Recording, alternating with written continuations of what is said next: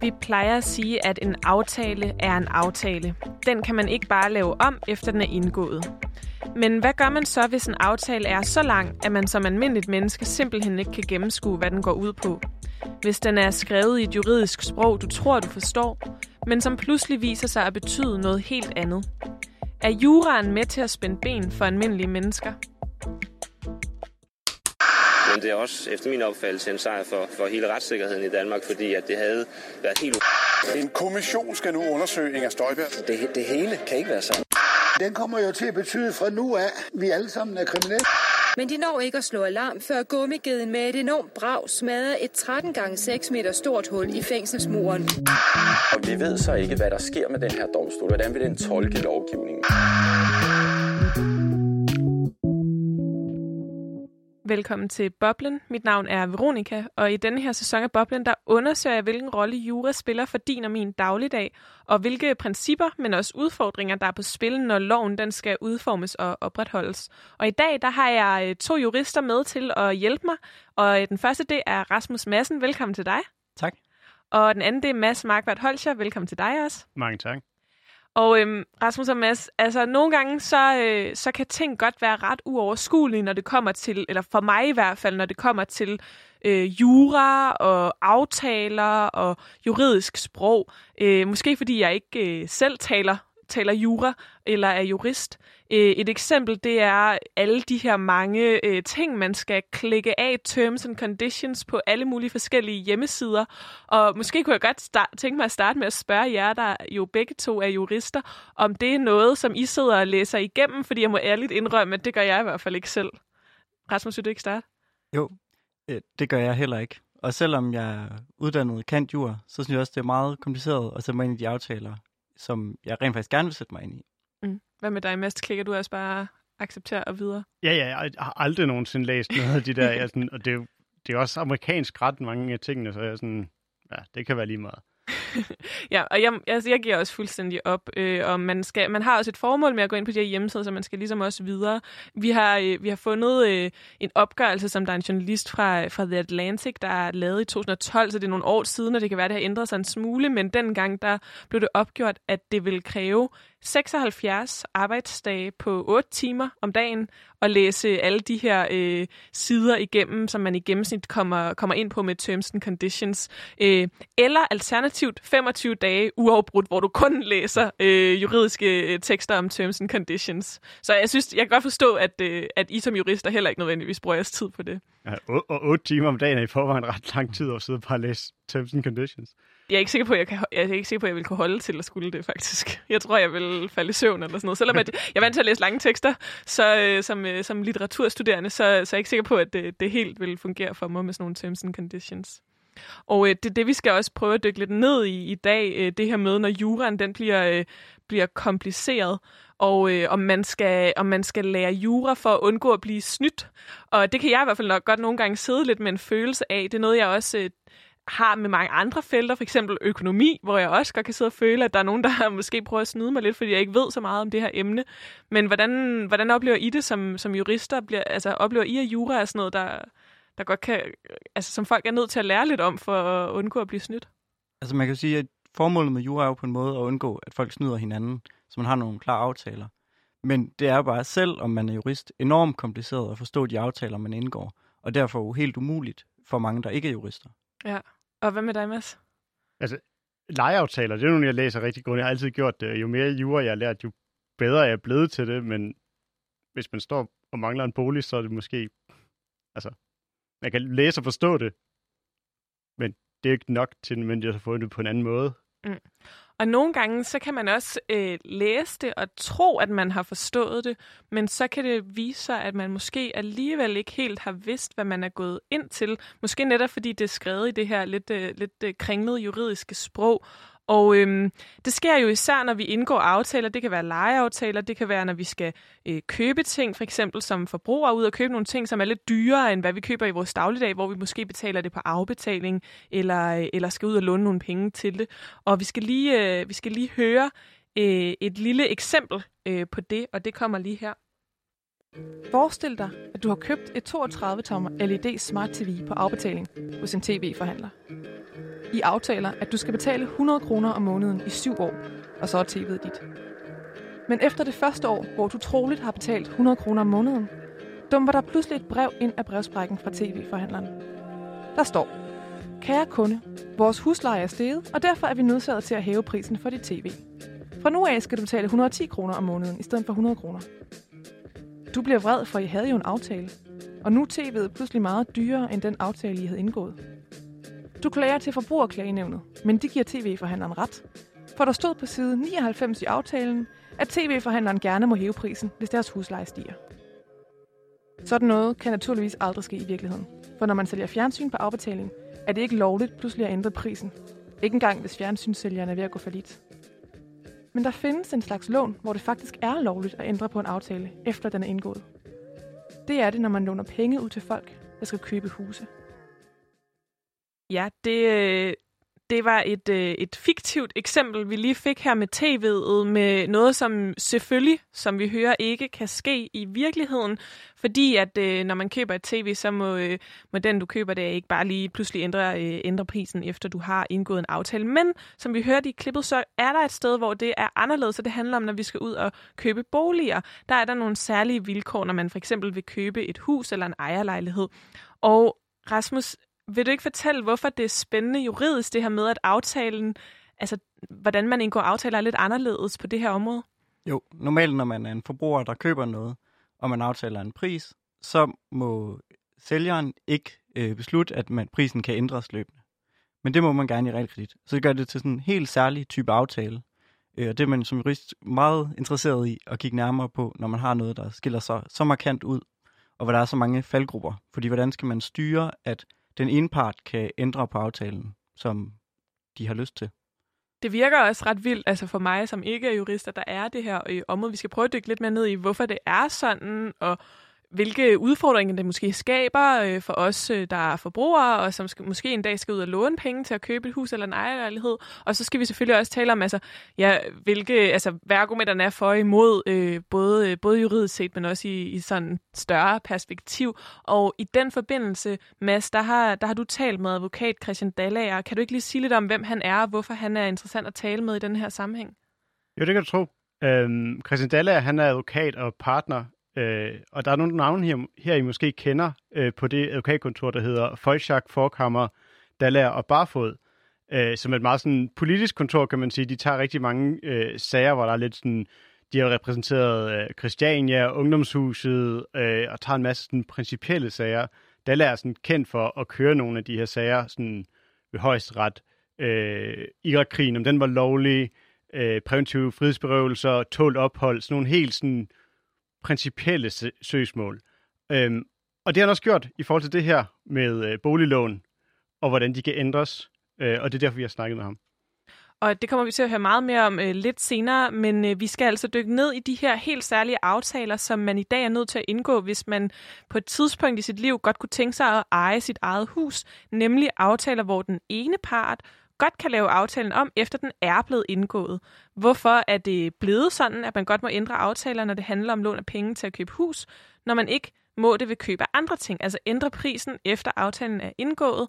Det dykker vi ned i i dag.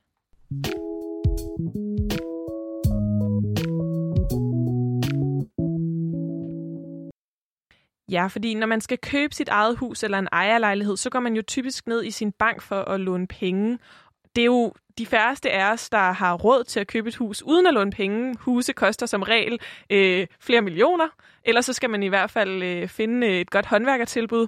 Og øh, selv der kan det måske godt være svært at lægge, øh, lægge det beløb, der er brug for. Så de fleste skal ned i banken og, øh, og bede om at låne penge. Men i Danmark, der har vi en lidt særlig konstruktion, når det kommer til at låne penge til huse. Fordi selvom du går ned i din bank, så er det ikke nødvendigvis selve banken, du låner pengene af, når det handler om huskøb det er noget, der hedder et realkreditinstitut. Øh, lidt kompliceret ord, men Rasmus, kan du ikke lige rise op, hvordan processen er, når man gerne vil købe et hus i Danmark? Jo, altså man går som regel ned i sin bank, øhm, og de formidler et lån for det, man kalder et realkreditinstitut. Og et Institut er egentlig en speciel slags bank, fordi den har en, ikke rigtig så mange penge. Øh, den har derimod kontakt til nogen, der gerne vil låne penge ud, og så har den kontakt til dig, der gerne vil låne pengene til dit hus. Og så formidler den sådan set den her kontakt. Det er den primære rolle for et realkreditinstitut. Og øh, det betyder altså også, at, øh, at fordi det er øh, den her konstruktion, hvor at det er realkreditinstitutterne, der sidder med adgangen til folk, der gerne vil låne penge til, at man kan købe huse, så er vi ret meget i realkreditinstitutternes vold, når vi som, øh, som øh, almindelige mennesker, som forbrugere, gerne vil ud og købe hus eller ejerlejlighed, medmindre vi af en eller anden grund har virkelig mange penge stående på vores øh, konto, som der nok ikke er så mange, der har. Men vi skal prøve at dykke ned i, hvorfor det er blevet sådan, fordi som jeg har forstået det, Rasmus, så er det ikke sådan, i andre lande. Det er en lidt særlig ting i Danmark, at det er den her konstruktion, hvor man går ned i sin bank, og så snakker banken med Realkreditinstituttet, som ja. så snakker med nogen, der vil låne penge. I andre lande, der har man det bare som almindelige banklån. Ligesom hvis man vil låne til en bil, så kommer man bare ned i sin bank, og så sætter de en rente. Øh, men i Danmark, der har vi den her særlige konstruktion, som har givet nogle meget billige lån til forbrugerne. Så i Danmark er det billigere at låne penge til et hus, end det er i andre lande, fordi vi har det her realkreditsystem. Og for at forstå, hvorfor det er blevet sådan, så skal vi dykke ret langt tilbage i historien. Vi skal helt tilbage til 1700-tallet, øh, til tiden omkring øh, Københavns brand. Det skal vi lige høre her. I 1700-tallet herrede flere store brænde i København, og frygten for nye brænde fik mange af Københavns borgere til at forsikre deres huse. Det gjorde Københavns brandforsikring meget velhavende. Og Københavns brandforsikring fik en god idé. Man begyndte at låne ud af alle sine penge til nye byggerier. Men i 1795 udbrød der endnu en brand, denne gang på militærets havn, der lå midt i København, til på Kongens Nytorv. Da brandvæsenet ankom, nægtede den vagthavende officer at give brandvæsenet adgang til havnen. De var jo civile og havde ikke adgang til militært område. Da brandvæsenet endelig langt om længe fik lov at komme ind, havde branden spredt sig til militærets tømmerlager, og branden var ikke længere til at få under kontrol. Den spredte sig til store dele af byen og endte med at vare i mere end et døgn. Branden gjorde tusindvis af københavnere hjemløse, og Københavns brandforsikring måtte udbetale alle sine penge til forsikrede københavnere. Det betød, at de ikke længere kunne låne penge ud til nybyggerier. De københavnere, der ikke var forsikrede, var ikke blot blevet hjemløse. De havde heller ikke mere noget sted at låne penge til et nyt hus. Det fik nogle københavnske rigmænd til at få en god idé. De dannede en forening, de kunne låne penge til, som så kunne låne pengene ud til personer, der ville købe et hus. Det havde den store fordel, at hvis en huskøber ikke kunne betale sit lån tilbage, så kunne foreningen dække tabet. Det var derfor en meget sikker måde at låne penge ud på. Udover at betale for misligeholdte lån, skulle foreningen også bruge pengene til at betale en revisor for at holde styr på alle foreningens långivere og låntagere. Foreningen fik penge til alle sine udgifter ved, at låntagerne skulle betale et indskud og en månedlig afgift til foreningen. Denne månedlige afgift kaldte man for et bidrag. Hvis foreningen endte med at give overskud, skulle pengene gå til at sikre fremtidige boliglånere. Realkreditinstitutterne var født. Nu kunne man låne penge til huset gennem en realkreditforening, der ikke selv skulle tjene penge, men kun skulle gøre det nemt at låne penge ud til boligkøbere. Ja, så fik vi lige øh, historien om, hvordan realkreditinstitutterne de blev født. Den her ret særlige konstruktion, vi har i Danmark for, hvordan man kan låne penge, når man skal, når man skal købe hus. Øhm, måske vi lige skal sådan decifrere øh, nogle af de ting, vi hørte her, fordi der bliver sagt nogle forskellige sådan begreber og forklaringer, plus at vi hører jo, at først så er det jo sådan, at der er nogle rigmænd, der efter Københavns øh, brand finder ud af, at det er en mega smart idé, at de låner penge ud til folk, der skal øh, bygge huse efter Københavns brand, fordi at dem, der tidligere har lånt penge ud Københavns brandforsikring, de ikke længere kan det. Og så hører vi lidt senere det her med, at det er foreninger, hvor det er låntagerne, altså dem, der låner penge, der er medlemmer, men det er en udvikling, der, der sker over tid, eller hvad, Rasmus? Ja, altså ideen om en realkreditforening, den spreder sig, fordi den er så god. Øhm, så der opstår mange forskellige realkreditforeninger. Og den første her, som vi hører, er oprettet af dem, der låner penge ud. Men senere så bliver de oprettet af dem, der låner pengene, eller folk i foreningen, fordi det ikke er formålet, at foreningen skal tjene penge. Den skal bare formidle de her lån, egentlig ligesom øh, den del foregår i dag. Og det, som er smart ved den her konstruktion, det er, at at pengene ligesom bliver i systemet, kan man sige, eller sådan det, der handler om at låne, det handler om at låne penge ud til øh, folk, der skal bygge hus. Det handler ikke om, at der skal være nogen, der skal tjene penge på at låne penge ud. Er det rigtigt forstået? Altså man kan sige, at realkreditforeningen skal ikke tjene penge på at låne penge ud. Dem, der låner penge ud, vil jo gerne have en rente. Mm. Og det, de får ved at låne dem ud gennem realkreditforeningen, det er, at det er meget sikkert, at de får deres penge igen. Fordi enten, folk betaler som regel tilbage, og hvis de ikke kan betale tilbage, så kan de sælge deres hus. Og hvis de stadig ikke kan betale tilbage, så har realkreditforeningen lidt penge, som den kan betale. Så derfor øh, giver de en lav rente i forhold til, hvad man ellers kan få, øh, men det er meget sikkert, øh, at man får sine penge igen. Og det vil man jo gerne, som en, der låner penge ud, få pengene igen. Så på en måde kan man sige, at det både har en fordel for dem, der låner penge ud, og det har også en fordel for dem, der låner pengene, fordi det er en relativt lav rente, man kan, man kan få øh, via det her. Øh, det minder jo også lidt om, du nævnte Mads, det minder lidt om sådan andre former for øh, måder, man historisk set har organiseret, for eksempel altså andelsbevægelsen, andelsmejerier, sådan nogle ting. Ja, ja, det her med at gå sammen og, og ikke tænke på, at nogen, der skal, skal, skal pleje deres egen øh, økonomiske interesser, men finde ud af, hvordan gør vi det her bedst sammen? Hvordan får vi bygget København op fra grunden øh, i det historiske eksempel? Øh, hænger jo meget godt sammen med den andelsbevægelse, vi har haft på mange andre områder i Danmark. Ja, og det er jo også ret vildt at tænke på, at det er øh, helt tilbage fra, fra 1700-tallet, fra en brand i, i et København, der jo har set ret anderledes ud, end København ser ud i dag, som har været markant mere koncentreret, mindre, øh, og øh, jo nok også altså, på alle mulige måder set anderledes ud, som brænder, altså, hvor en stor del af byen brænder ned. Rigtig mange mennesker mister deres hjem, og man står jo i en eller anden grad i en krisesituation og skal finde nye løsninger. Og det system, det har overlevet til i dag. Og i dag står vi så med en situation, hvor at øh, man har nogle øh, de her realkreditinstitutter, og, øh, og de findes selv, ligesom, ligesom de gjorde, øh, ligesom de blev opstartet der efter Københavns øh, brand. Men jeg undrer mig lidt, fordi at den måde, som vi har rammesat det her, det er jo, at øh, der sker noget, når man låner penge til at købe hus, som ikke sker, når man for eksempel skal købe tv på afbetaling. Og det er, at der er en mulighed for, at aftalen den kan blive lavet om, efter man har indgået den. Prisen kan lige pludselig øh, stige, uden at man øh, har indgået aftale om det, eller i hvert fald måske føler, man har indgået aftale om det. Og det klinger for mig ikke nødvendigvis så godt overens med andelstanken, eller det her med, at det er en forening, hvor medlemmerne selv låner penge til hinanden. Fordi det er jo ikke rigtig nogens almindelige menneskers interesse, at prisen lige pludselig stiger, fordi det er jo ens daglige økonomi, månedlige budgetter, der så vælter. Man kan jo på en måde sige tværtimod, altså fordi det er en forening, øh, så øh, er låntagerne ofte gået sammen, og så må de jo også, øh, så er det uklart, hvad prisen bliver, for de har bare besluttet, at de vil dække for dem, øh, der ikke kan betale deres hus tilbage alligevel. Til gengæld, så kan de jo styre foreningen, og de får den lavest mulige pris med de konkurser, der nu må være blandt ja, husejere, folk, der ikke kan betale deres lån tilbage. Men en af grundene til, at det er blevet en smule anderledes i dag, det er sådan, selvom at grundideen i realkreditten, den opstår i 1700-tallet, så sker der noget op gennem 1970'erne, og i 1989, der kommer der en ændring, der betyder, at den måde, det kører på i dag, er lidt anderledes end de her foreninger, som vi hører om i, i det klip, øh, der fortæller historien om, om realkredittens fødsel. Og øh, det skal, vi lige, øh, det skal vi lige høre, hvad det er, der sker i 1989. I 1989 skete der noget, der grundlæggende ændrede på realkreditten, og som har ændret almindelige menneskers mulighed for at købe et hus eller en ejerlejlighed lige siden. Frem til 1970'erne beholdt realkreditinstitutterne deres form som foreninger. Men op gennem 1970'erne blev realkreditinstitutterne løbende overtaget af banker, og i 1989 kom så den lov, der ændrede alt.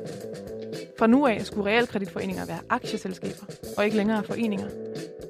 Det betød, at realkreditinstitutterne ikke længere blev styret af lånerne, men nu blev ejet af aktionærer. Det havde den fordel for lånerne, at de ikke længere skulle betale et indskud, når de optog et lån.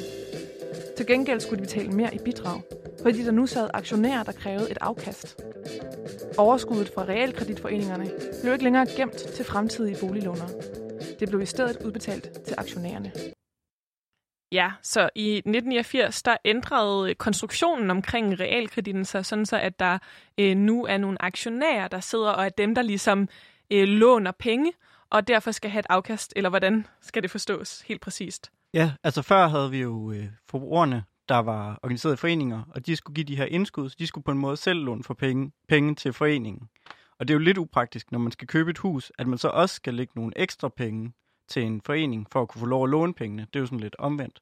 Så derfor har man lavet den her øh, smartere på den her måde konstruktion, at der kommer nogle aktionærer og siger, vi har en masse penge, vi lægger dem som sikkerhed for jeres lån. Til gengæld så skal vi have det, der hedder afkast, altså vi skal have en betaling for den, de penge, vi har lånt ud. Og den betaling, øh, den kommer så gennem de her bidrag. Altså, så der kommer ligesom den her øh, ændring, hvor at man slipper for at skulle betale en hel masse penge, når man som almindeligt menneske skal ud og, og købe hus, og man har måske ikke en, øh, en kæmpe udbetaling, man kan lægge. Øh, der kommer nogen, der stiller sikkerhed, og så, øh, og så skal man til gengæld ligesom give dem, der stiller sikkerhed, øh, noget tilbage. Det ændrer noget i forhold til prisen. Men så man har ligesom gjort det af hensyn til, at man ikke skulle betale lige så stort et indskud, men det betyder noget for, at der nu af nogen, der sidder og skal have en eller anden form for afkast. Og det betyder selvfølgelig, at de holder øje med, om de får det afkast. Er det, kan man sige det på den måde? Ja, helt lige præcis. Og så er der også sket den væsentlige ting, at ejerskabet af foreningen er rykket fra at være forbrugerne, der ejede det og kunne styre det, så er det nu nogle aktionærer, der kan styre det. Og det er jo så det, vi kan se, at de kan så ændre på bidragssatsen. Og de har ikke længere forbrugernes interesse. De har interesse i at skabe overskud. Så det giver en lidt speciel aftalekonstruktion. Og den øh, særlige i aftalekonstruktionen, den, den skal vi prøve at dykke ned i, og vi skal prøve at se på, hvilke, hvordan den ser ud i praksis, øh, når, man, øh, når man står og skal købe øh, et hus.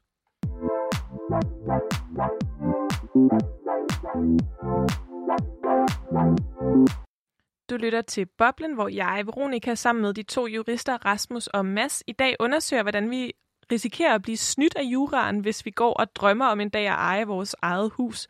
Vi har netop hørt om realkreditinstitutternes historie. Det er nemlig dem, der låner os penge via vores bank, hvis vi skal købe et hus, men ikke selv kan lægge hele beløbet, hvilket de færreste jo nok kan. Og øh, nu skal vi prøve at høre om nogen, der har været igennem den proces med at købe et hus og skulle låne penge via banken over i et realkreditinstitut. Øh, vi skal prøve at høre deres historie. Den kommer her. I sommeren 2012 købte parret A og B deres første hus. A havde arbejdet som vicerektor på et gymnasium, og B arbejdede som jurist. De var lidt nervøse for at skulle købe hus, for de havde altid boet i en andelsforening og havde aldrig prøvet at optage et realkreditlån. Og huset kostede lidt over 4 millioner kroner, så det var mange penge, de skulle låne. De så derfor fat i banken for at høre, om det var muligt at låne penge til huset. Og det var ikke noget problem. A og B var dog stadig lidt usikre på, om de nu havde forstået alle detaljerne ved deres lån. Så de tog ned i banken med et papir fuld af spørgsmål. Det var blandt andet meget vigtigt for dem, at de fik det sikreste lån, så de ikke risikerede, at renten for eksempel pludselig steg, så de skulle betale mere end forventet. Det gjorde bankrådgiveren lidt nervøs, at de havde så mange spørgsmål. Men de fik snakket sammen om det, og selvom bankrådgiveren ikke helt kunne svare på alle spørgsmålene, så havde A og B en god fornemmelse i maven, da de gik derfra. De følte, at de havde været det hele igennem, og de var sikre på, at de havde fået det sikreste lån, uden nogen uforudsigelige prisændringer. Så nu var de klar til at låne. Et par dage efter skrev de derfor til banken, at de var klar til at optage lånet. Og bankrådgiveren svarede, at A og B skulle komme ned i banken og skrive under. Da de kom ned i banken, var bankrådgiveren klar og havde et meget langt lånedokument på 200 sider med små post-it-noter alle de steder A og B skulle skrive under. Det undrede dem. Med et lån på 4 millioner kroner virkede det useriøst, at de bare skulle skrive under uden at læse, hvad de skrev under på. Men siden banken nu gjorde det på den måde, så måtte de allerede have talt om de vigtigste dele af lånet. Så de skrev under og var rigtig glade, for nu kunne de blive husejere. To år senere fik A og B et brev. I brevet stod der, 1. januar 2015 forhøjer jeres bank bidragssatserne på jeres realkreditlån. Bidragssatserne ændres, så de i højere grad modsvarer de omkostninger, kapitalkrav og risici, der er forbundet med den pågældende låntype.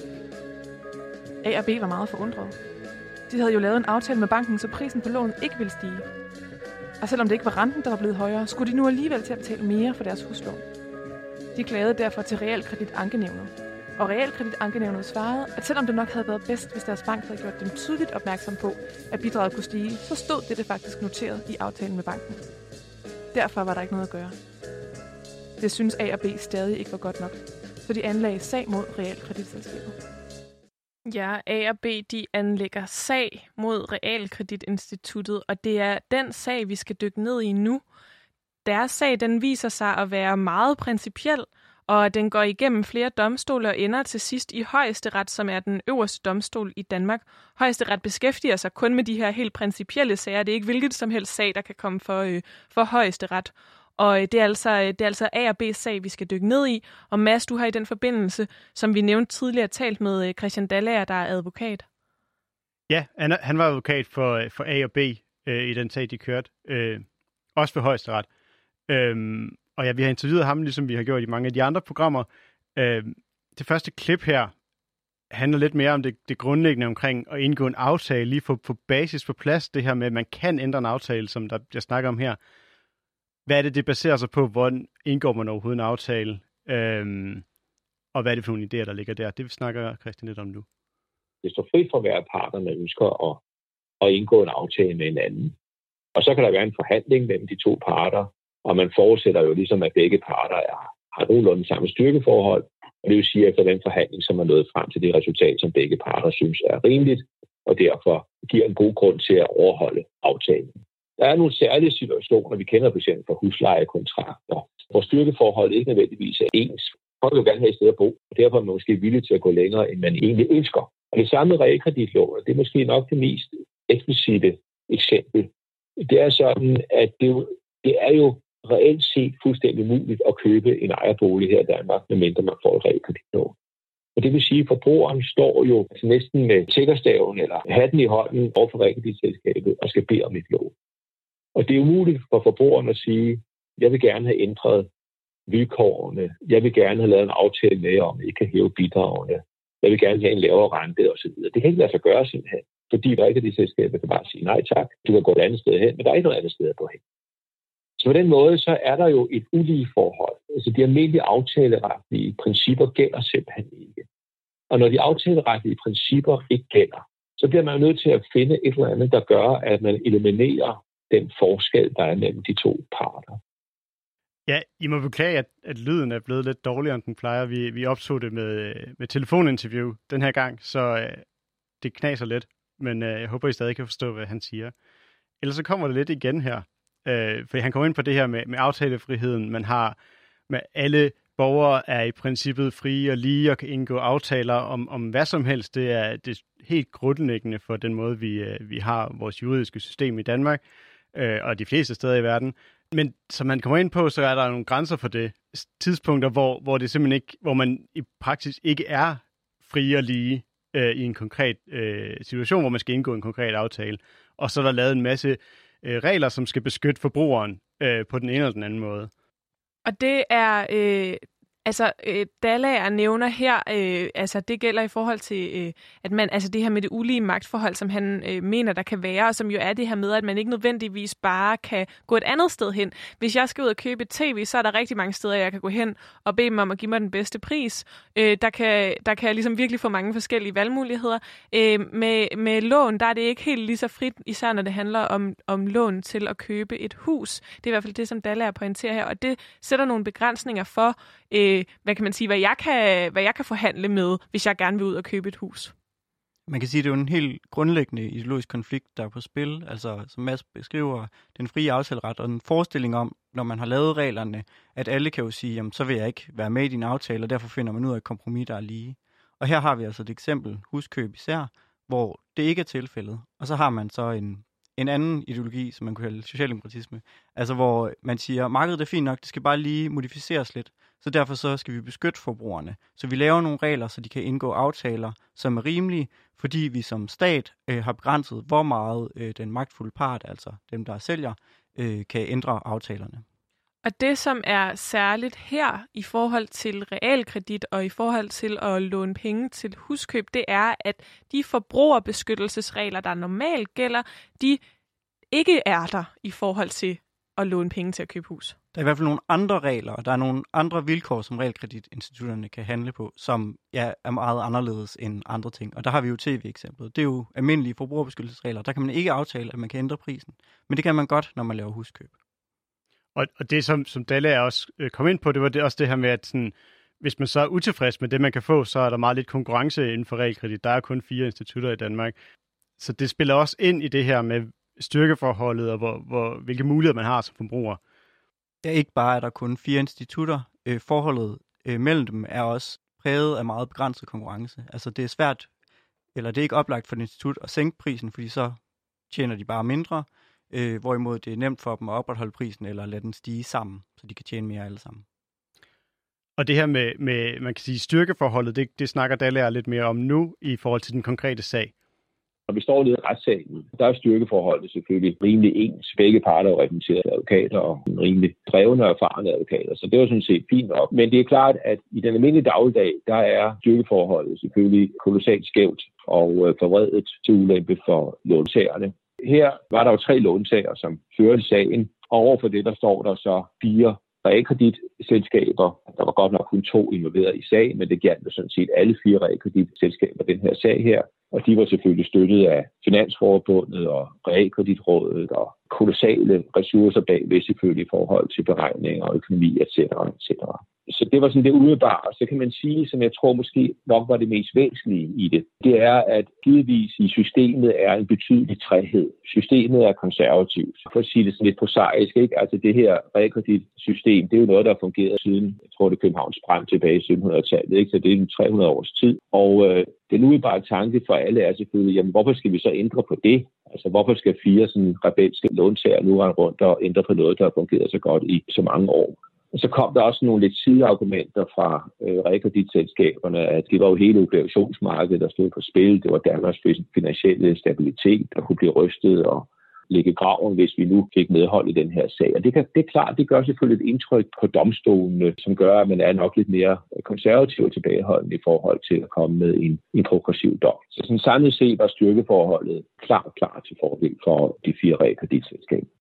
Ja, Dallas snakker lidt om her, hvordan han repræsenterede de her få boligejere mod hele finanssektoren på en eller anden måde. Det, er, det var nogle store øh, realkreditinstitutter, øh, interesseorganisationer, en masse, der, der kunne regne og havde en masse ressourcer og en masse økonomisk magt i samfundet, og hvordan det på en eller anden måde også ligesom påvirkede sagen og gjorde, at, at sagen også blev lidt skævvredet i forhold til, hvilke styrkeforhold det var, og hvilke samfundsinteresser man repræsenterede. Så fra Dallagers perspektiv, der har der ligesom været mere på spil end blot det, at man mødes som to øh, parter i øh, ind for en domstol, der har fuldstændig lige, øh, lige vilkår for, for det møde. Ja, altså man møder, man møder ind og repræsenterer noget i samfundet, og man har flere ressourcer. Ikke? Altså sådan, de, har, de er jo begge to repræsenteret dygtige advokater, men de har jo mange flere ressourcer til at have folk, der regner på det på, bag, på bænken, hvad ved jeg. Jeg tror også særligt, man skal lægge mærke til det sidste, han siger om altså Danmarks finansielle stabilitet. Hvis nu vi antog, at øh, boliglånerne her, de vandt sagen og fik øh, nedsat deres bidrag, så ville alle dem, der lånte penge ud til boliglånere, blive nervøse. Og det vil betyde, at renten ville stige, fordi det vil være ikke, ikke være så sikkert mere at låne til boligejere. Og det vil have enorme konsekvenser for Danmarks økonomi, fordi at boliglån er en kæmpe industri i Danmark. Det fylder rigtig meget af de samlede udlån. Så derfor så har man, når man sidder der af en stakkels dommer, så skæver de måske også til andet end hvad der er rimeligt efter reglerne, men også hvad der sker med hele Danmark, øh, hvis de dømmer.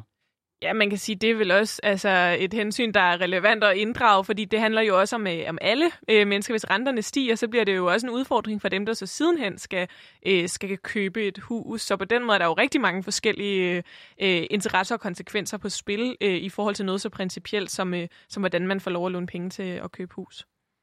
I forhold til, til sagen og hvordan det gik, nogen vil sige, at det ikke gik så godt, for han endte jo ikke med at vinde, øh, men, men han... Øh, han repræsenterede jo også nogle parter, som, som havde det her lidt svage forhold. Hvad, hvad er det, de går ind til? Øh, den her uligevægt i, øh, i, når de indgik øh, aftalen, og så var han op mod alle de her økonomiske interesser og den her konservative øh, tilgang, der måske kan være ved domstolene.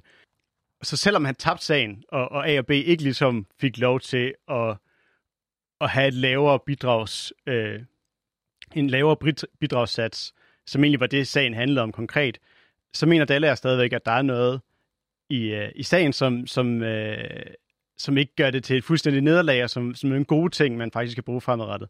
Det snakker han om her. Og de sagde, at det er nok rigtigt, at der er nye kapitalkrav.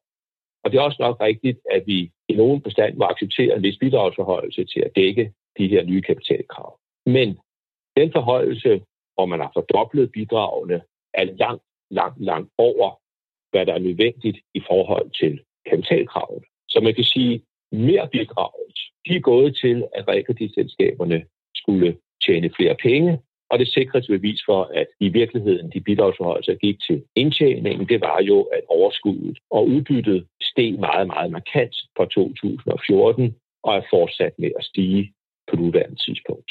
Så man kan sige, at den folkeopinion, der var tilbage i 2014 og 15 og 16, hvor man kritiserede bidragsforholdelserne, hvor man kaldte øh, bankerne kribe osv. osv. Det var sådan set helt rigtigt, fordi det var urimeligt, det var en usandfærdig begrundelse, og øh, der var ikke grund til at forhøje bidragene i det omfang til, øh, til brug for kapitaldækningen.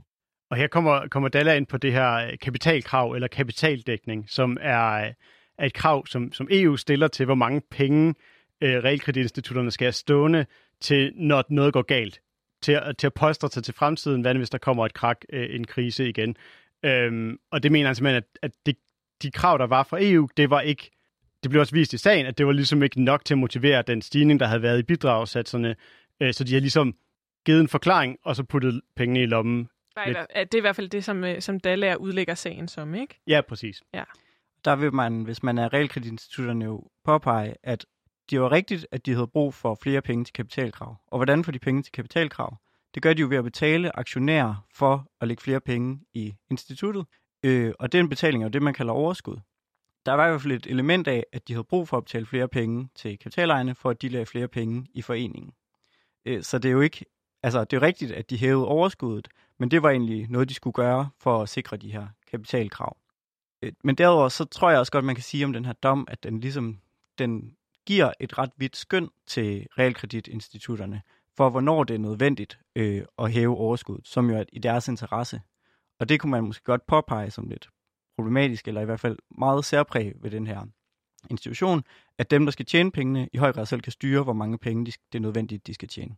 Og det skal vi lige prøve at dykke lidt mere ned i. Hvad betyder det øh, på et lidt mere overordnet samfundsmæssigt plan?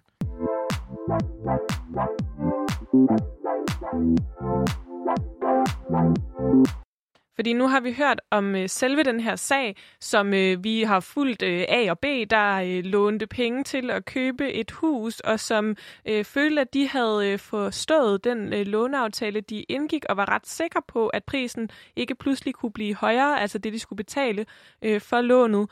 Øh, men så pludselig så steg bidraget alligevel, og de valgte at lægge sagen. Den kom for højesteret, fordi den var så principiel, og øh, de tabte ved øh, højesteret.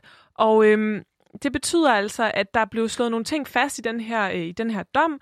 Øh, blandt andet, at øh, realkreditinstitutterne, som er dem, der låner penge ud, når man skal købe hus, det, de har ret hvide rammer for, hvordan de vurderer, om de har brug for at hæve øh, satserne for, hvad det koster at låne penge øh, hos dem. Men hvis vi skal prøve at, at tage det op på sådan et overordnet samfundsmæssigt plan, så kan man sige, at realkreditinstitutterne har altså ret meget magt, fordi vi jo alle sammen, hvis vi håber på at købe et hus en dag eller eje en ejerlejlighed, så skal vi faktisk låne penge af dem. Så de har relativt meget magt i, i samfundet.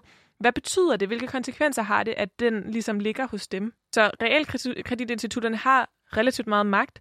Øh, man prøvede at få ændret det, få vundet noget magt tilbage til nogle af dem, der er de, de enkelte huskøbere ved at have denne her øh, sag, A og B lagde sag an, men øh, de tabte sagen ved domstolene. Hvad betyder det? Altså, hvad skal der så ske? Er det, øh, så må det være sådan, eller, øh, eller skal man øh, gribe til nogle andre midler for at, øh, at ændre på det her? Ja, og det er også lidt spændende, altså sådan, sådan nogle, der kan ændre hele boligmarkedet i Danmark. Skal det ligge i domstolene? Skal det være en politisk ting? Øh, hvor skal det egentlig ændres henne øh, i samfundet? Hvor, hvem skal tage den beslutning? Og det snakker Dalia lidt om i det her klip. Hvad så i situationer, hvor det rent faktisk ikke er nødvendigt? Og her tænker jeg selvfølgelig først og fremmest på den situation, hvor man forhøjer bidragene i den hensigt, at man ønsker at tjene flere penge og skabe større overskud til kapitalejerne. Er det rimeligt, at man her kan hæve øh, bidragene? Og er det rimeligt i særdeleshed i den situation, hvor forbrugerne ikke kan skifte realkreditselskab? Og det mener jeg selvfølgelig ikke, det er. Og det, der er noget skuffende, det er, at højesteret ikke er gået længere ind i den overvejelse. Det er der givetvis en god forklaring på, og den tror jeg hænger sammen med, at det ligger jo langt ude for højesterets kompetence og charge at tage stilling til, hvor mange penge skal et realkreditselskab have lov til at tjene her i Danmark. Det er en politisk afgørelse, om der skal være nogle begrænsninger der. Og så det, man så kunne spørge om fra låntagernes side, det er, hvorfor har deres politikere så ikke kigget på det her? Og begyndt at overveje, at det ikke er rimeligt at sætte visse begrænsninger i en situation, hvor faktum jo er, at der rent faktisk er monopol på markedet, hvor de fire realkreditselskaber jo kan agere fuldstændig som øh, det passer dem. Så, så det her med øh, at, at hæve bidragssatserne, simpelthen hæve, hvad det koster af hensyn til profit, det var ikke noget højesteret satte en grænse for. Øhm, og det er jo noget af det, som, som Daller nok havde håbet på, på en eller anden måde, øhm, at opnå. Øh, og han siger, det, han siger, det er lidt skuffende, men man kan jo også... Altså, er det egentlig højesteret, der skal tage den beslutning? Øhm. Ja, fordi pludselig så kommer det til at... Øh, altså, også når vi taler om det og sådan noget, så handler det jo også om, hvilke principper vil vi gerne have, vores, øh, vores boligmarked skal fungere på, hvilke vilkår vil vi øh, fælles som samfund gerne have, der skal være for, for mennesker, der gerne vil, vil købe hus. Og, øh, og så kan man sige, så er der jo de her institutioner eller institutter eller foreninger, som så er opstået helt tilbage fra Københavns brand, og som former ligesom, hvordan, den, hvordan det kan lade sig gøre, og som i dag er, er ejet af det her, eller har de her aktionærer, som, øh, som skal have en eller anden form for, øh, for, for indkomst på det, eller, eller fortjeneste på det. Men måske er det i virkeligheden mere et politisk spørgsmål, end et juridisk spørgsmål, hvordan vi gerne vil have, at, øh, at boligmarkedet skal fungere. Det vil jeg i hvert fald i den grad sige, og jeg tror også, det havde været underligt, hvis dommerne var gået mere eksplicit eller aktivistisk til værks, eller lavet en progressiv dom, som Dallager kalder det. Fordi politikerne har faktisk lovgivet om det, og det fremgår klart af lovene, at det er okay at hæve bidragene. Og det er uklart af dommene, hvor meget. Og der havde det måske været lidt frisk af domstolen, hvis den var gået meget øh, direkte ind i det spørgsmål. Så på en måde kan man også se dommen som et oplæg til politikerne om, at hvis vi vil have det her ændret, så må I gøre noget ved det. Det er ikke domstolens arbejde. Men samtidig så kan man jo også sige, at det, er det ikke også, altså det, selvfølgelig kan man også se det som et politisk problem, men også fra domstolens perspektiv, altså det er vel også et problem, at øh, forbrugerne, dem der låner pengene, altså ikke kan forstå de aftaler, de indgår. Altså der tænker jeg bare sådan også på, øh, hvad kan man sige, at, at det juridiske pludselig kommer til at stå i vejen for, øh, at man ved, hvad man går ind til, når man, øh, når man øh, skal købe et hus. Altså, så kan man selvfølgelig også samtidig se, at skulle de ikke bare have læst aftalen lidt grundigere, men, men det er jo en udfordring, at det kan være svært at læse lange, lange låneaftaler, hvis man ikke er, er jurist eller økonom eller, eller noget i den stil. Så på den måde tænker jeg at der, der er i hvert fald nogle spørgsmål, som også handler om, om jura i det her, selvom at det måske skal, skal håndteres fra, fra politisk hold. Hvordan er det så? Er der sket noget politisk i forhold til det her? Ja, det er, jo, det er ikke fordi, at der har været den store bevægelse for, det er ikke noget, man sådan har set i, i nyhederne, men der er, der er sket nogle små ændringer. Der er ikke blevet lavet det her loft, som der at snakke om, hvor, hvor meget de kan tjene, og hvor meget de kan hæve for at tage ud til profit. Men der er kommet nogle, øh, nogle politiske tiltag, og dem snakker Dallager om nu. Man har valgt at lave nogle enkelte mekanismer, som måske gør, at forbrugerne er bedre opmærksomme på, hvad der sker. Der er kommet nogle regler om, at man kan komme med nogle mere fyldskørende begrundelser for bidragsforhøjelserne fra realkreditselskabernes side, og der er også et lidt længere varsel. Tidligere kunne man varsle ved tre måneder, nu skal man varsle med seks måneder. Og tankegangen er, at så skal forbrugerne have bedre muligheder for at kunne reagere. Men det er jo absurd, fordi man kan jo ikke reagere, for man kan ikke få realkreditselskab og hvis man ikke betaler, så bliver lånet erklæret som misligholdt. Så altså, der er ikke nogen, der har taget fat om det reelle i det her. Det er, bør der være en øvre grænse. Så altså, man kan også sige, at det skulle vi ikke i virkeligheden gå tilbage til det, der var det gode med realkreditlånet i gamle dage, nemlig at det var fonde og institutioner, som, som lavede de her lån, og hvor der ikke var nogen sådan kapitalinteresser. Det var sådan set i virkeligheden forbrugerne, der ejede øh, realkreditselskaber. Ja, så, så, så de konkrete ting, der er ændret, Øh, altså det er ikke fordi, at der ikke er sket nogen som helst ting, men det er noget med, hvor, hvad for noget information man får, hvornår man får forskellige ting at vide som, som, som låntager, som forbruger. Øh, men det kan jo være lidt svært at forstå, hvad det er, øh, man går ind til, øh, og, og hvad det egentlig er, det betyder. Og i virkeligheden så er det måske også tvivlsomt, hvad ens reaktionsmuligheder er, når man får at vide, øh, at det her kommer til at ske, og man måske ikke synes, det er fair, så er det i virkeligheden ret begrænset, hvad man kan gøre. Så man får en masse information, men måske er det ikke rigtigt det, det batter. Ja, altså, den informa- politikerne har lavet det om, sådan at man får væsentligt mere information, end man gjorde før. Og det betyder, at det er gået fra, at man får at vide, at markedsmæssige forhold kan ændre øh, din bidragssats til øh, markeds- og kapitalkrav, og det kunne for eksempel være, at renten stiger. Og som forbruger... Altså det får du ligesom som dit brev, der kommer, når det skal for, for at vide, nu stiger bidragssatsen, nu skal du betale mere om måneden øh, til os. Øh, så er der øh, lidt mere uddybning i, hvad begrundelsen er for den stigning. Både når man får brevet om den konkrete stigning, og når man indgår aftalen, så står det mere eksplicit, hvad det er for nogle forhold. Men det er jo fuldstændig uforståeligt som forbruger at kunne forudse, hvornår om renten kan stige, eller om renten faktisk er steget for realkreditinstitutterne. Øhm, så på den måde er det svært at se, hvordan de egentlig har fået mere information, når den information, de får mere af, er så godt som uforståelig for en almindelig forbruger. Jeg kan i hvert fald godt se for mig, at, øh, at jeg også vil have svært ved at, øh, at tolke de her ting, og jeg synes også, at det er noget af det, vi skal, skal dykke mere ned i, altså udfordringerne øh, ved, øh, altså hvad stiller vi op med, at vi har den her konstruktion, som er ekstremt svær for, øh, for almindelige mennesker at, øh, at gennemskue, hvad skal vi, altså ja, hvad skal der ske fremadrettet på en eller anden måde? Det synes jeg, vi skal prøve at dykke lidt mere ned i. Øhm, ja. Men man kan jo også argumentere på den anden side, altså for realkreditinstitutterne. Hvordan skal de formidle det her? Det er jo, de tager jo deres beslutninger på baggrund af nogle meget komplicerede finansielle analyser, og det er, ikke, det er meget kompliceret at formidle. Så det er ikke nemt for dem at lave let forståelig information. Det er ikke sådan, de sidder og holder noget øh, hemmeligt, som de nemt kunne sige. Det er ja, kompliceret. Det kommer også til udtryk i, hvordan aftalen ser ud. Vi har snakket om, at den er meget lang og kan være svær at forstå. Og det snakker øh, Christian lidt om i det næste klip. har man ikke gøre det meget, meget, meget tydeligere, at man kan ændre bidragssatsen. Altså hvis man tager den sag, vi har talt om, hvor forbrugeren jo helt utryggeligt spørger, kan man ændre bidraget, og realkreditinstitutterne siger, at det gør vi ikke. Her har du jo et låndokument, som fylder 200 sider nærmest ikke. Det er jo svært at få det overblik, der skal til. Det andet, og det var jo ret centralt i det her, der står jo ikke nogen steder, at man kan ændre, fordi man ønsker at tjene flere penge. Så hvis realkreditselskaber ønsker at fremføre det her argument, så må man jo også skrive, at de hæver bare bidragssatserne, fordi de ønsker at tjene flere penge. Men det havde man jo ikke gjort. For det første havde man brugt en helt anden begrundelse, og for det andet havde man ligesom skjult, at man hele tiden kunne hæve bidrag. Når der er en forskel mellem parterne, så må der jo være et ekstra krav til den stærke part om at skrive meget tydeligt, hvad der efterfølgende kan ske. Altså, det er ikke nok at bare lave et standardiseret dokument, som man sådan prøver på at folk læser. man må meget tydeligt beskrive, hvad er det, man kan gøre. Og i særdeleshed må man beskrive noget, der er usædvanligt. Og det er jo ikke sædvanligt, når man indgår en aftale, at sådan en anden part ændrer på aftalen, fordi han ønsker at tjene flere penge. Altså tværtimod, så har vi jo det princip i Danmark og alle andre steder, at man har bundet aftalen, og hvis det er en dårlig aftale, man har lavet fra virksomhedens side, så må man jo leve med det. Så var det bare ærgerligt, så må man være dygtigere næste gang. Så her gør man altså noget usædvanligt. Man siger, at vi er ikke rigtig gode nok til at regne ud, hvor mange penge vi tjener fremover. Og det må du altså desværre betale for, kære forbruger. Så nu hæver vi bidragssatsen. Og her kommer Dalla ind, lidt ind på det her, har en sammenhæng med det her forbrugerbeskyttelse, vi snakkede om tidligere, med, med at der tit er nogle regler, der beskytter en forbruger, den svage part, som man snakker om. Øh, for eksempel i tv-eksemplet, hvor det ikke bare kan blive dyrere, når man har købt et tv. Men i, i, når det kommer til boliger, så er det som om, man nærmest har vendt det på hovedet. Øhm, og at det, som han udlægger det her, øh, bliver det forbrugeren, der har risikoen for, øh, og derfor har en større risiko for at, at skulle betale flere penge i fremtiden, selvom det i virkeligheden er, er realkreditinstituttet og de her banker, der har lavet øh, en dårlig aftale, kan man sige.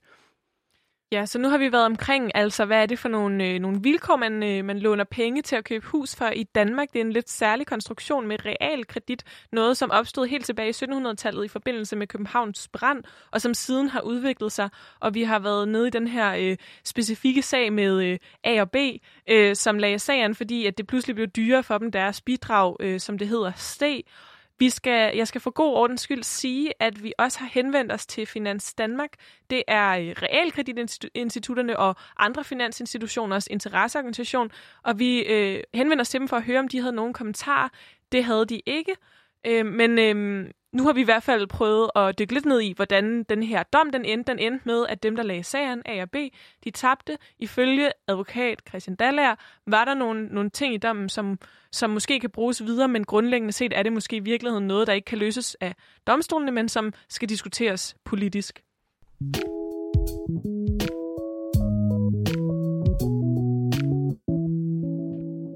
Du lytter til Boblen, hvor jeg, Veronika, sammen med de to jurister Rasmus og Mads i dag undersøger, hvordan vi måske risikerer at blive snydt af juraen, hvis vi går og drømmer om en dag at eje vores eget hus. Det handler om, at når man køber hus, så skal man låne penge af det, der hedder øh, realkreditinstitutterne, og, øh, og det er en helt øh, gammel konstruktion fra 1700-tallet, som har ændret sig siden, og som i dag er, øh, er bygget op omkring, at der er nogle aktionærer, som stiller deres øh, penge til rådighed, for at realkreditinstitutterne kan låne øh, dig penge, hvis du en dag gerne vil låne penge til at købe dit eget hus. Og der har været den her retssag, som har handlet om, at øh, der er noget helt særligt ved de aftaler, man indgår, når man skal låne penge til at købe hus. Og den, det særlige på en eller anden måde, det er, at hvor at man normalt, når man skal købe ting, altså når man som forbruger skal ud og, og lave aftaler, så er der ret meget beskyttelse af forbrugeren. Men når, øh, og derfor må man ikke bare lave aftalerne om. Hvis jeg gerne vil købe tv, så må man ikke bare lige pludselig flere måneder efter aftalen er indgået sige, at nu er det meget dyrere, end det vi egentlig aftalte. Men når det kommer til at låne penge af realkreditinstitutterne til at købe hus, så har de den mulighed for at lade priserne stige. Det handler også om, det skal være rentabelt for aktionærerne at stille deres penge til rådighed, men det skaber noget usikkerhed for dem, som indgår aftalerne. Og det, som er centralt i sagen om A og B, og som jeg tænker er centralt for rigtig mange, det er det her med, at det er vildt svært at forstå, hvad der står i juridiske aftaler, i låneaftaler, og selvom man måske som almindelig menneske føler, at man prøver at gøre sig umage, og man stiller spørgsmål, så kan det være svært at forstå. Spørgsmålet er, om det er noget, vi skal gøre noget ved, om det ikke også er sådan, om det er et problem altså for vores samfund, at, at det er så svært for folk at forstå. Hvorfor har vi de her mega lange juridiske aftaler? Hvorfor skal det være 200 sider sådan en låneaftale? Hvorfor kan det ikke bare være 10 sider i et nogenlunde forståeligt sprog? Hvad siger I som jurister, Rasmus og Mads? Ja, det er oplagt et problem. Det er på en måde et grundproblem ved juraen, at aftaler er svære at forstå. Og jeg tror også, altså, de her lange, komplicerede aftaler er jurans bedste forsøg på at lave noget, der er kortest muligt og bedst forståeligt, sådan man netop ikke bliver snydt, fordi man ved, hvad man skriver under på.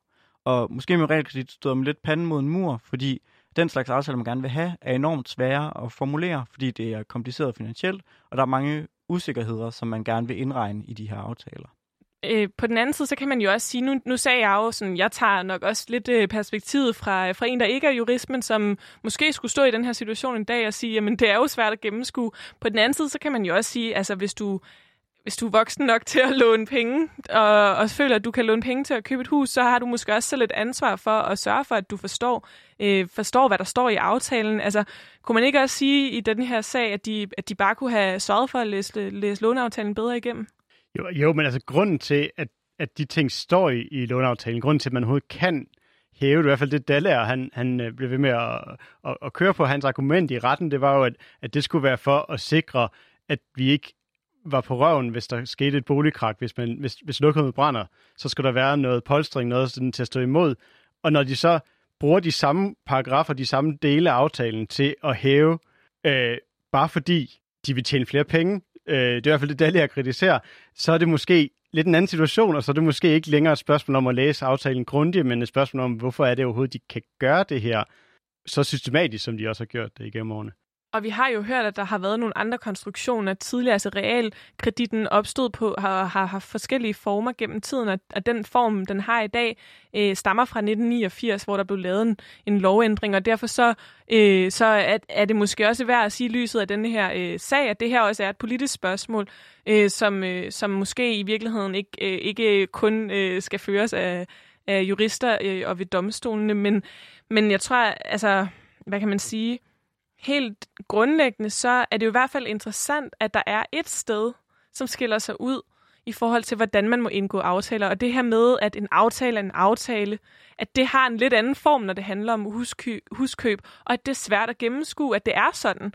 Øh, og, og derfor er der måske noget, vi skal, vi skal snakke om. Og uanset hvad, så skal vi som forbrugere i hvert fald øh, dykke ned i, i det og forholde os til, hvad vi synes om det. Øhm, vi er ved at være nået der, hvor, hvor at jeg godt kunne tænke mig, at vi opsummerede lidt, og at I, øhm, Mads Rasmus, hjælper med at, at sige, hvad I synes er vigtigt at tage med sig fra det her program, og tænke videre over, hvis man, hvis man har hørt det. Og det er jo ret teknisk, og måske er det også noget af det, der gør, at det, øh, at det er svært at, øh, at, øh, at tale om og gøre folk opmærksomme øh, på. Men øh, Rasmus, hvad synes du er vigtigt at tage med øh, i forhold til det her emne? Det er nok generelt, når man indgår vigtige aftaler. Altså ikke når man melder sig ind i Facebook eller Instagram, men når man laver vigtige aftaler som huskøb eller lejlighedsleje eller lignende, at man så faktisk læser det med småt, og man gør det be- sit bedste for at sætte sig ind i det. Fordi ellers så risikerer man i den grad at blive snydt. Men på den anden side, så er man aldrig sikker, fordi juridiske aftaler er komplicerede, og man ved aldrig præcis, hvad de indeholder. Så det er jo en risiko, man må leve med. Hvad med dig, Mads? Ja, og, og jeg synes også, det her illustrerer det her med, man snakker om, at juraen øh, har det her forhold til retfærdighed, og måske kunne man, kunne man regne med, at så ville højesteret eller domstolene komme frem til det, der var rigtigt. Øh, men det er jo subjektivt. Der er rigtig mange faktorer, der spiller ind, og i virkeligheden er det jo ofte et politisk spørgsmål. Øh, så når man står med sådan en, en, aftale, en aftale her, som rigtig mange indgår lignende aftaler, er det måske snarere i hvert fald også et politisk spørgsmål, ligesom det er et juridisk spørgsmål. Det synes jeg er nogle, øh, nogle gode pointer at opsummere det her øh, meget komplicerede øh, spørgsmål, som handler om noget så, så grundlæggende som, hvordan vi laver aftaler med hinanden, og, øh, og samtidig om noget så, øh, så udbredt som at købe et, øh, et hus. Tusind tak, fordi I vil være med, Rasmus og Mads. Tak fordi I måtte. Ja, det var en fornøjelse.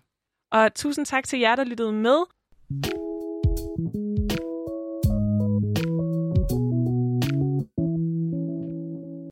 Du lyttede til Boblen. Programmet er produceret af Danske Studerendes Fællesråd.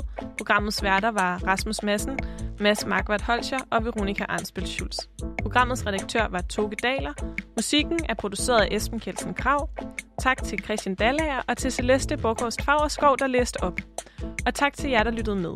Hvis du sidder tilbage med nogle spørgsmål til jura, lovgivning og retssystemet, eller hvis du undrer dig over noget, du har hørt jurister, advokater eller andre eksperter snakke om i forhold til jura, så vil vi rigtig gerne høre fra dig, så vi kan lave et program om de spørgsmål, som du sidder med. Send dine spørgsmål ind til boblen eller find Radio Loud på Facebook eller Instagram.